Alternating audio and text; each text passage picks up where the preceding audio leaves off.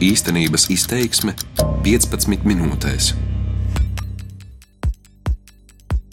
Aizvadītā gada pirmajos 11 mēnešos Latvijā reģistrētas 23 saslimšanas ar masalām. Tas ir pēdējo gadu rekords. Mediķi brīdina, šī ir viena no tā dēvētajām vakcīnu kontrolējamām slimībām, kuru izplatīšanās liek bažīties par kopējo imunizācijas līmeni. Diskusijas par nepieciešamību vakcinēties uzvirmo ik reizi, kad mediķu uzmanības lokā nonāk gadījumi, kad kāds smagi saslimst vai mirst no slimībām, pret kurām iespējams vakcinēties. Šis jautājums satrauc arī jaunos vecākus Dažu mēnešu laikā vairāk nekā tūkstotis cilvēku sabiedrisko iniciatīvu platformā Mana balss parakstījuši ierosinājumu nemaksāt pabalstus tiem vecākiem, kuri atsakās no savu bērnu vakcinācijas. Šajā raidījumā es, Madara Friedrichsona, meklēšu atbildi uz jautājumu, vai kopējais imunizācijas līmenis Latvijā patiešām samazinās. Mans vecāks vakcinēja, mani vakcinēja, Un it kā loģiski būtu, ka es vakcinētu savu bērnu, bet, nu, es šeit to ķēdi esmu pārāvusi, jo, nu, mani neapmierina šī sistēma, kā tā ir iekārtota, man šķiet, ka, nu, man nav zinām pilni spēles noteikumi. Argumentējot savu lēmumu nevakcinēt bērnu pret infekcijas slimībām, stāsta Kristīna. Viņa ir Facebook lapas vakcīna realitāte Latvijā administratora un pieder pie tiem vecākiem, kas gan dzemdību nodaļā, gan vēlāk pie ģimenes ārsta parakstījusi dokumentus par vakcinācijas atteikumu. Kristīnai nav mediķa izglītības, viņa ir žurnāliste. Interesēties par vakcināciju sākusi gaidību laikā, iztaujājusi ārstus, meklējusi informāciju internetā. Tas, eh, kas bija oficiālajos avotos, kaut kā nesakrīt ar to, ko es lasīju ārvalstu avotos, ir dažādas dokumentālās filmas, ir dažādi arī tīri pragmatiski informācijas, tagad nerunāju par kaut kādām sazvērstības teorijām, bet tīri par vakcīnu sastāvu, par to, kas tā kā netiek afišēts. Un tā kā salāgojot tos iespējamos ieguvumus no vakcinācijas un iespējamos uh, riskus, Nu, es, diemžēl, pieņēmu, ne diemžēl, bet nu, pieņēmu lēmumu atteikties pilnībā no bērnu vakcinācijas. Kristīnas mazuļa ģimenes ārsts nesot īpaši centies viņu pārliecināt par vakcinācijas nepieciešamību. Vien ieddevis atteikumu veidlapu un pastāstījis, ka viņa praksē no bērnu vakcinācijas atsakoties aptuveni 5% vecāku. Kristīna teica, ka neredz vajadzību vakcinēt savu bērnu pret vakcinācijas kalendārā iekļautajām slimībām. Noteiktos apstākļos viņa nepieciešamību vakcinēties vērtētu vēlreiz. Teiksim, ja pienāks laiks un būs jādodas kaut kādu eksotisku valsti, es noteikti pieslēgšos eh, šim jautājumam atkal un um, nu, mēģināšu saprast, eh, kā ir ar tām eksotiskajām infekcijas slimībām un mēģināšu nu, kā, nu, izsvērt, vai tas ir vajadzīgs vai nē. Datus par imunizācijas līmeni un infekcijas slimību izplatību Latvijā apkopo slimību profilakses un kontrolas centrs. Turp dodos, lai noskaidrotu, cik bieži tad vecāki atsakās no vakcinācijas. Jurijs Perivosčikovs, ārsts epidemiologs un slimību profilakses un kontrolas centra, infekcijas slimību riska analīzes un profilakses departamenta direktors. Mans sarunu biedrs uzsver, ka pat labam situācija ar imunizāciju nav uzskatām par kritisku. No vakcinācijas kalendārā ietvertajām slimībām viszemākais imunizācijas līmenis ir pret cilvēka papilomas vīrusu.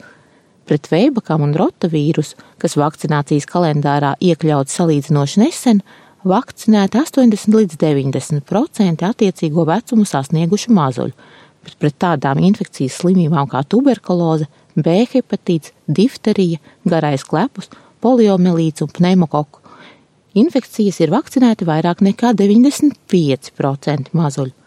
Bērniem kļūstot vecākiem, sasniedzot vecumu, kad jāvakcinējas atkārtot, šie rādītāji pasliktinās, taču ar vienu pārsniedz 90%.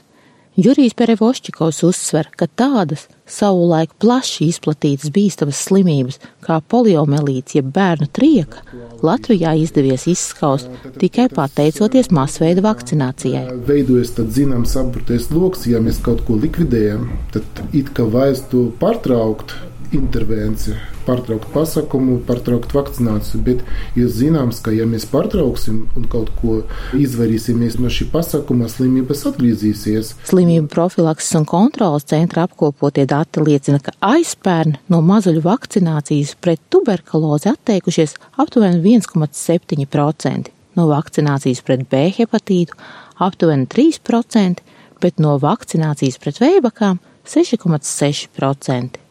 Visbiežāk atsakās no vakcinācijas pret cilvēku papilomas vīrusu.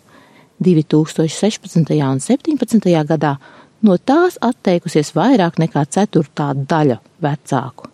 Tomēr vecākus, kuri savus bērnus nevakcinē, speciālists sauc par mazākumu, kurš mēdz būt visai aktīvs. Kā šie bērni, kuri nav vakcinēti, kuri nav aizsargāti pret konkrētu slimību, neslimo tikai tāpēc, ka lielākoties citi bērni ir vakcinēti, un ja sabiedrība ir vakcinēta, populācijas imunitāte veidojas, tas nozīmē, ka slimība nevar izplatīties. Ļoti grūti satikties diviem bērniem, kuriem nav imunitātes, un vienam saslims un nodot otram.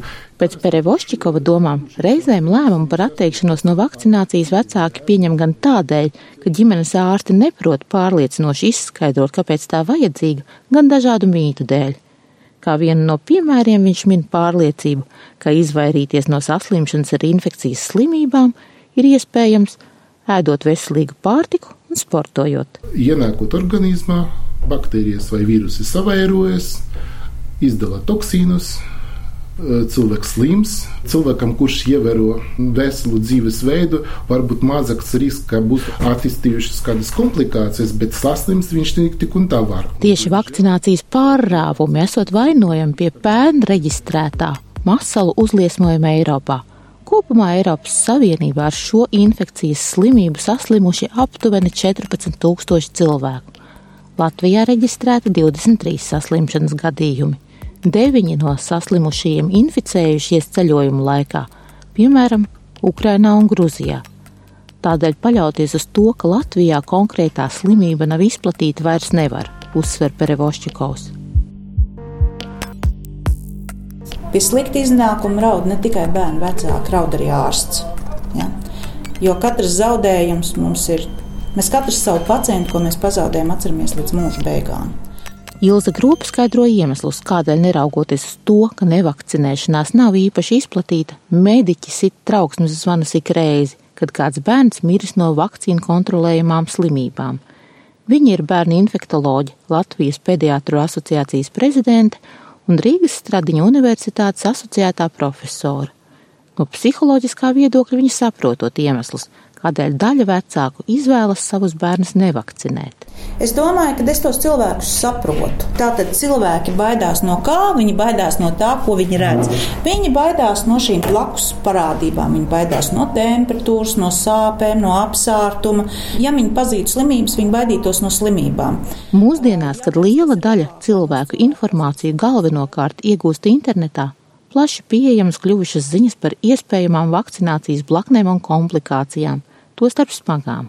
Pēdējo piecu gadu laikā bērniem smagas komplikācijas pēc vakcinācijas Latvijā gan nav konstatētas, taču daļai vecāku šī informācija var šķist biedējoša, sevišķi tādēļ, ka nespeciālistam grūti nošķirt gadījumus, kad bērna organisma reakcija uz vakcīnu ir normāla un paredzama, un tos, kad tā liecina par nopietnāku problēmu. Tad, kad mēs vakcinējam vai potējam, mūsu uzdevums ir izsaukt iekaisuma reakciju. Ja?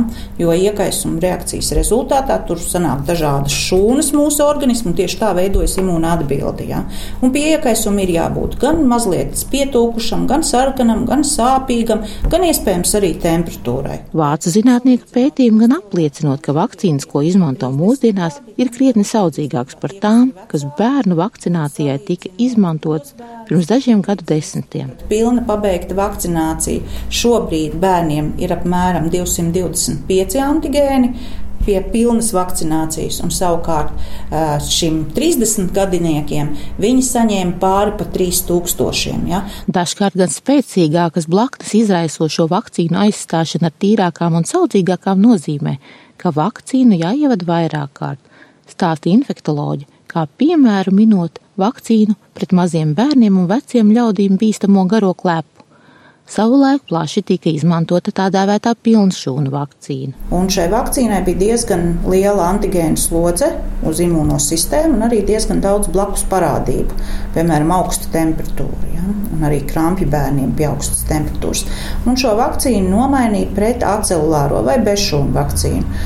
Un apmēram pēc desmit gadiem secināja, ka šī vakcīna, bezšūnu vakcīna, nedod tik ilgu imūnu atmiņu kā šī pilnšūnu vakcīna. Argumentu kaujas starp vakcinācijas atbalstītājiem un noliedzējiem ir tikpat senas kā pati vakcinācija, saka medicīnas vēstures muzeja direktore Edita Bērziņa. Viņa stāsta, ka pati ideja par cilvēka apzinātu inficēšanu ar mērķi panākt imunitātes veidošanos radusies senajā Ķīnā. Rietumē Eiropā tā ienākusi 18. gadsimtā, bet Latvijā 18. un 19. gadsimta mijā. 1800. gada 27. novembris. Un tad tolaik ievērojams Rīgas ārsts Otto Hūns šeit veica pirmo vakcināciju pēc džendera metodes pret melnajām bakām. Angļu ārsts Edvards Džanners vakcīnu pret savulaik nāvējošajām melnajām bakām radīja, izmantojot ar govju bakām inficētus lopus. Tas tolaik izraisīs milzu sašutumu, jau pašos masveida vakcinācijas pirmsākumos radusies biedrība, kas visādi vērsusies pret šo jaunievedumu. Šī biedrība, kas cīnījās pret vakcināciju, izdeva dažna, dažādas eh, karikatūras un, protams, rakstus rakstīja. Nu, tās karikatūras ir visai tādas biedējošas. Nu, ir redzams gan, ka tur lūk, eh, tie vakcinētie par govīm pārvēršās. Viena īpaši skaista karikatūra rādīja, kā lūk, mm, dženners, kā tāds briesmonis ar pātagu rokā, dzen ļautiņus iekšā govī, rīklē. Lielbritānijā ar valdības rīkojumu vispirms vakcinēta armija un flote. Savukārt Latvijas teritorijā 19. gadsimta sākumā iedzīvotāju vakcinācijā pret bakām iesaistītas dažādas autoritātes. Ar vakcināciju nodarbojās vecmātes, bērniņš piedzima, viņam tika potēts uzreiz šīs te veikta vakcinācija.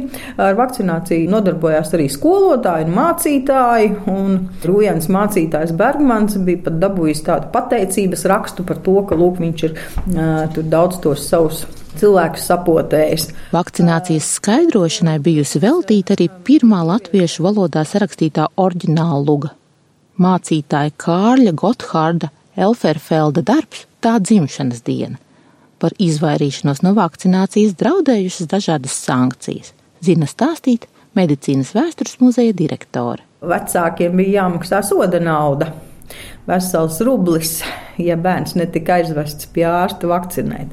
Tā kā arī šādi mēri bija, jā, un bija arī uh, sots jāmaksā ārstiem, kuri nebija noteiktu skaitu cilvēku vakcinējuši. Kā... Protams, medicīnas vēsturē ir pazīstami arī gadījumi, kad vakcīnu radīšana bijusi saistīta ar daudzām kļūdām. Poliomielīta vakcīnas radīšana bija saistīta arī ar daudzām sarežģītām situācijām un kļūdām, un patiesībā šo te kļūdu dēļ aizkavējās. Gadu gaitā daudzas vakcīnas kļuvušas efektīvākas, bet vakcinācijas kalendārs arvien plašāks. Tajā tiek iekļauts arvien jaunas un jaunas slimības, vakcināciju pret kurām apmaksā no valsts budžeta. Speciālisti teica, ka Rietumē Eiropā šo slimību klāsts ir vēl lielāks nekā Latvijā. Bažām par vakcīnu kvalitāti nesot pamata. Tās ir gluži tādas pašas kā tās, ar kurām tiek potēti Rietumē Eiropas valstīs mītošie. Nevar gan noliegt, ka vakcinācija notiek ne tikai sabiedrības veselības, bet arī zin ekonomisko interešu vārdā. Ierobežot infekciju izplatīšanos ir lētāk nekā ārstēt epidēmijas.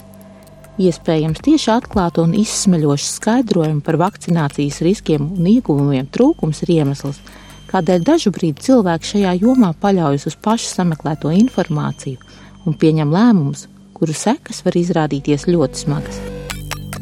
Raidījumu veidoja Madara Friedrichsone, skaņu montēja Renārs Šteimanis. Darbības vārds īstenības izteiksmē izsaka darbību kā realitāti. Tagatnē, pagātnē vai nākotnē, vai arī to noliedz.